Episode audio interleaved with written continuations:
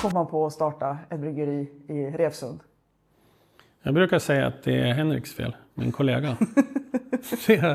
När han flyttade hit så tyckte han att vi skulle, eh, vi kände ju varandra sedan tidigare, men, men att vi skulle brygga bärs Ja. för eget bruk då. Ja, ja.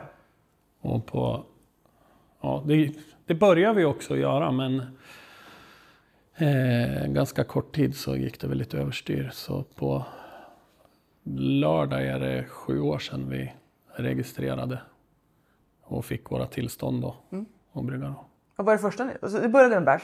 Mm. mm.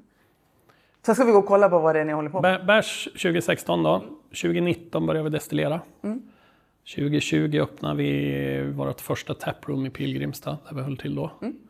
Och eh, 2021 började vi bygga den här anläggningen i Revsund då kan man säga. Så 20 22 i mars så bryggde vi första bärsen här då började destillera. Ja. Och vi kanske ska berätta, var ligger Revsund? Var är vi någonstans nu?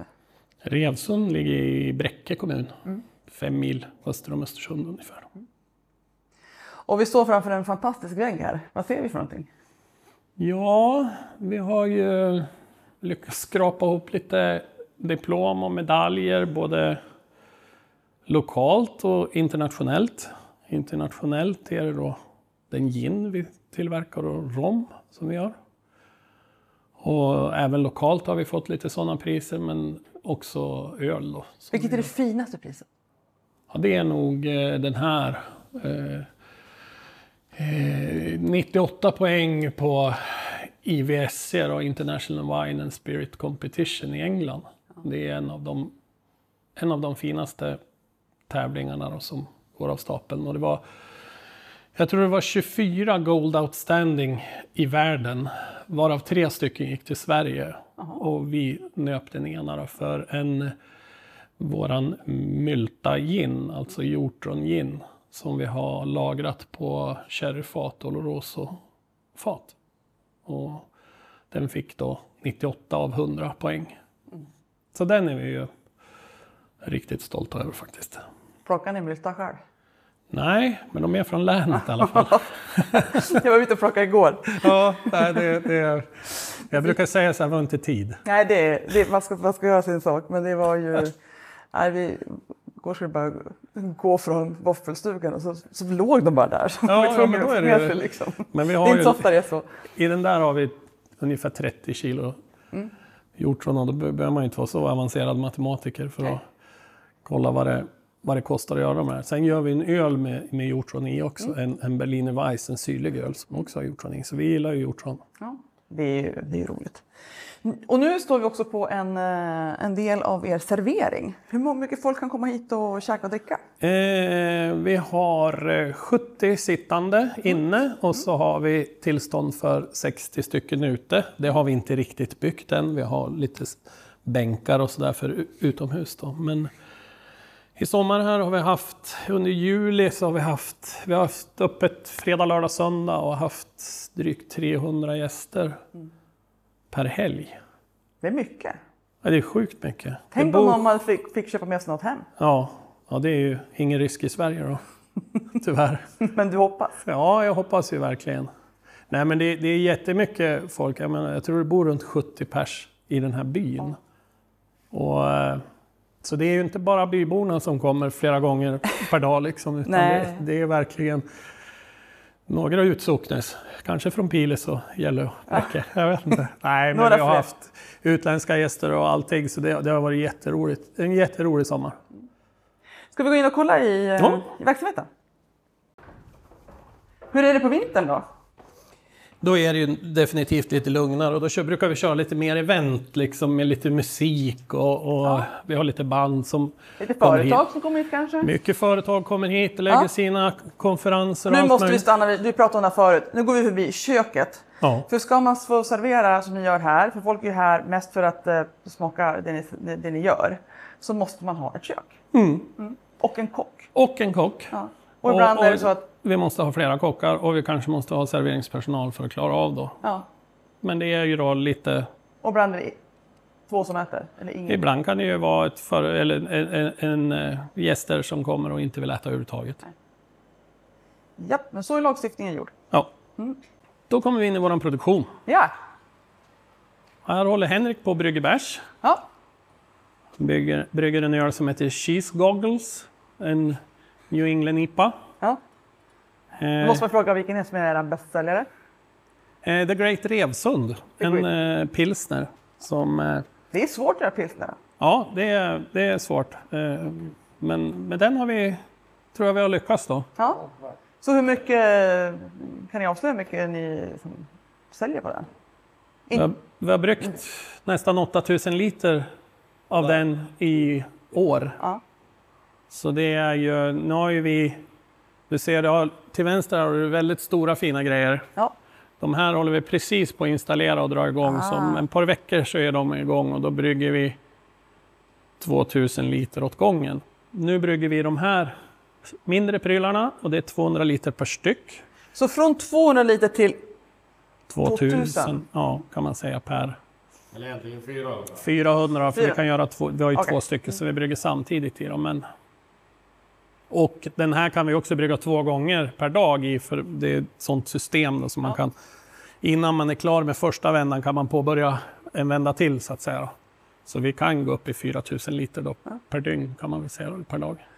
Har ni eh, kvar den första som ni bryggde första öl i? Ja, det har vi. De står här borta. Vi har installerat rördragning här för ånga så det är lite... Se om jag ens kommer dit. Men där står de. Jaha, de där... 30 liters.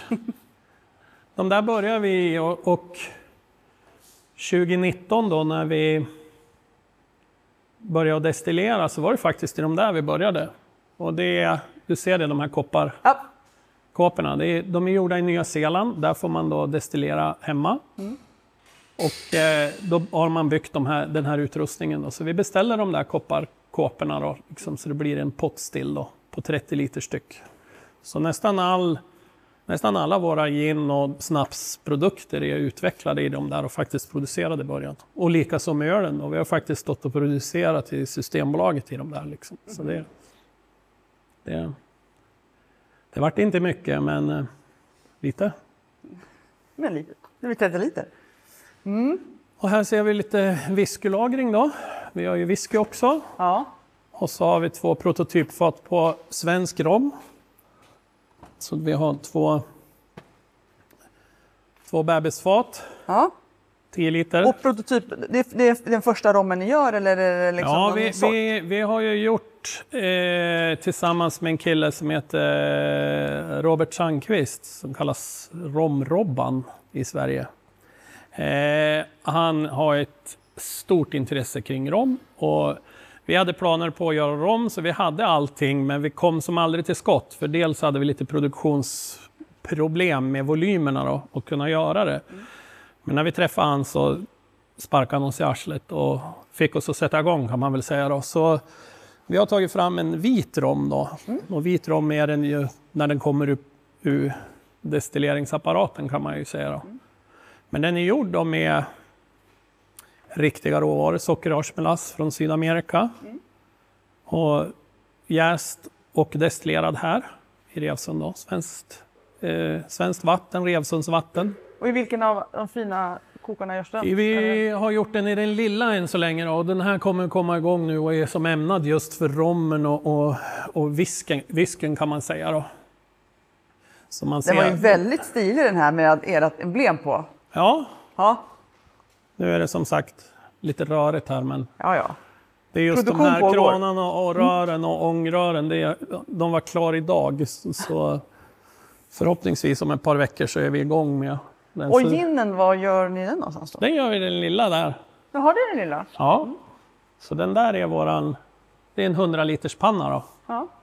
Så där gör vi, gör vi våran gin och där köper vi gin då färdig råsprit och, och destillerar och kryddsätter då med de kryddor som ska vara i gin, enbär bland annat. Sen jobbar vi ju mycket då med smaksatt gin. Vi tycker det är kul att smaken sitter i ginen och kanske inte alltid i toniken då, att det är massa olika toniksmaker, utan vi lägger den redan i ginen då. Så vi jobbar bara med riktiga bär och, och, och, och frukter och kryddor. Inga, smakämnen eller essenser eller Och någonting. då köper man in liksom, eh, råspriten då på Köp- smaka sig till det som passar bra för att krydda eller vad? råsprit är ju 96 procent i etanol, så Okej. det är same same. Det Det, det spelar inte så stor roll vart den tillverkas. Är den bara rätt gjord och, och så, är, så är den ganska så, Ja. så lika. Då. Så Ja. det, det där med att göra sin lokala råsprit är lite, det faller lite genom att man gör den så himla ren så det finns som inga direkt karaktärer. Det blir mer ett ja, bra för, för bygden kanske, men det är ganska svårt att hålla priserna Ja, nere också. Det krävs lite annan utrustning. Ja, så för sju år sedan nu så började ni och sen så hade du kunnat tänka att det skulle bli så här stort? Nej, vi, jag tror vi pratar om det en gång i veckan, liksom att vi, vad håller vi på med? Eh, det, det är lite, lite otroligt. Jag menar, vi har ju gjort, tills vi flyttade hit så har vi jobbat dubbla jobb. Så vi har väl hållit på i tre, tre och ett halvt år och jobbat dubbelt liksom, och inte kunnat tagit ut någon lön i den här Nej. verksamheten. Då. Men eh, april förra året så gick jag över helt och, och körde här. Då. Och I oktober då, Henrik var lite föräldraledig och så där så han började i oktober. Så det är ju vi två som är anställda nu och ska försöka leva på det här. Då. Och ibland får vi lön och ibland får vi lite mindre Ja, lön. men så är det som företagare. Ja. Det, det där känner man igen. Men, eh, och sen så är det tillfälle, så skapar ni tillfälliga jobb för de som är här vid event och sådär. Ja, och så lite säsongskockar då och sådär för, för, för våra taproom då som vi kallar det. Och om du fick eh, önska någonting av eh, politiken, vad skulle det vara? Så det skulle göra så att ni kunde växa ännu mer och kunna utveckla någonting i det. Det här är ju ja, rätt mycket glesbygd. Eh, Mm. Ja, men det, det är väl, jag har väl tre punkter som jag alltid ältar och mässar för alla jag träffar egentligen. Och det är gårdsförsäljningen såklart. Den är jätteviktig för oss. Eh, kanske inte passar alla, men, men för oss är den viktig. Vi har ett turistflöde här. Vi har en pilgrimsled. Vi har gäster varje vecka som frågar om de får köpa med sig det de har provat. Och det är viktigt också att man inte bara tänker på turismen där, för vi har ju faktiskt lokal befolkning som också vill prova våra produkter och vill köpa med sig hem. Så det är ju viktigt. Eh, differentierad alkoholskatt, oerhört viktigt för lönsamheten. Liksom, Och det är differentierat för små bryggerier. små bryggerier, små producenter som eh, både, eh, både, sp- både spriten och, eh, och ölen då, just att vi får en rabatterad alkoholskatt kan man ju säga. Ja. Och eftersom vi någonting som du beskrev att alla länder i Europa har gjort utom Spanien och Sverige. Ja. Och tilläggas att Spanien har så låg alkoholskatt så de tycker Ja. inte det var värt det. Ja, liksom. det var kanske inte fallet för Sverige. Då. Nej, det är verkligen inte. Sen är det ju den tredje som också är väldigt viktig för oss. Då, som har, vi försöker ha flera ben att stå på. Vi har bryggeriet, vi har destilleriet och vi har våran taproom, och våran restaurang. Och det är ju just det här.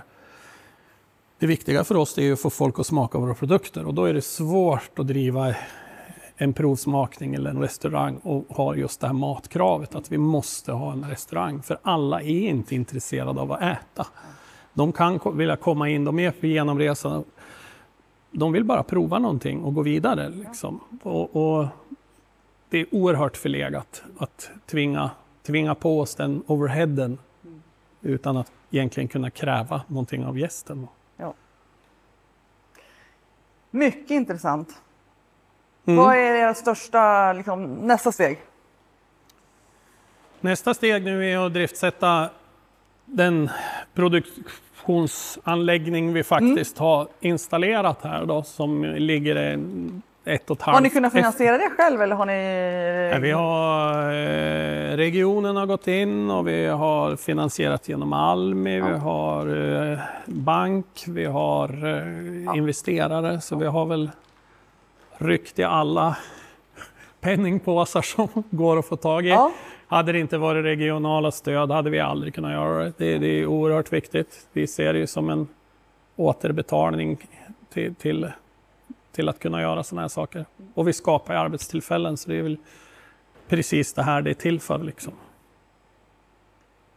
Så hur ska du få det att funka innan ni tar liksom, och funderar på nästa? Ja, det, så är det. Vi, ska, vi har en efterfrågan som är större än vad vi klarar av idag och, och den ska vi försöka att mätta nu. Då. Och vi har dragit igång lite export i Europa men även i USA. Det kommer vi jobba med. Vi får också möjlighet till att göra fler produkttyper när vi har det här produktionslyftet. Vi kan göra alkoholfritt, vi kan göra lättöl, folköl, mer läsk. Vi har bubbelvatten idag, lite läsk. Vi ska utveckla det. Vi har produktområdet ready to drink, mm. alltså färdigblandat mm. på burk till exempel. Då. Mm. Vi har lite hållbarhetssaker vi ska göra färdigt. Vi ska sätta solceller här bakom som vi inte har kunnat göra. Och vad har vi mer? Boende, ja, precis. Vi, tanken är ju att kunna ha något, att man ska kunna sova över här. Då. Det är också någonting som är väldigt ja. efterfrågat. Då. Eftersom det är alkohol involverat, då, ja. bland annat. Då, att kunna stanna kvar med ställplats och kanske någon stuga. Snart har ni bageri också, folk ska ha frukost sen. Ja, jo, men det, det, det vi får väl lösa på något vis. Ja då. Det låter härligt. Du, stort tack för att jag fick komma hit och träffa dig och Henrik eh, idag. Tack.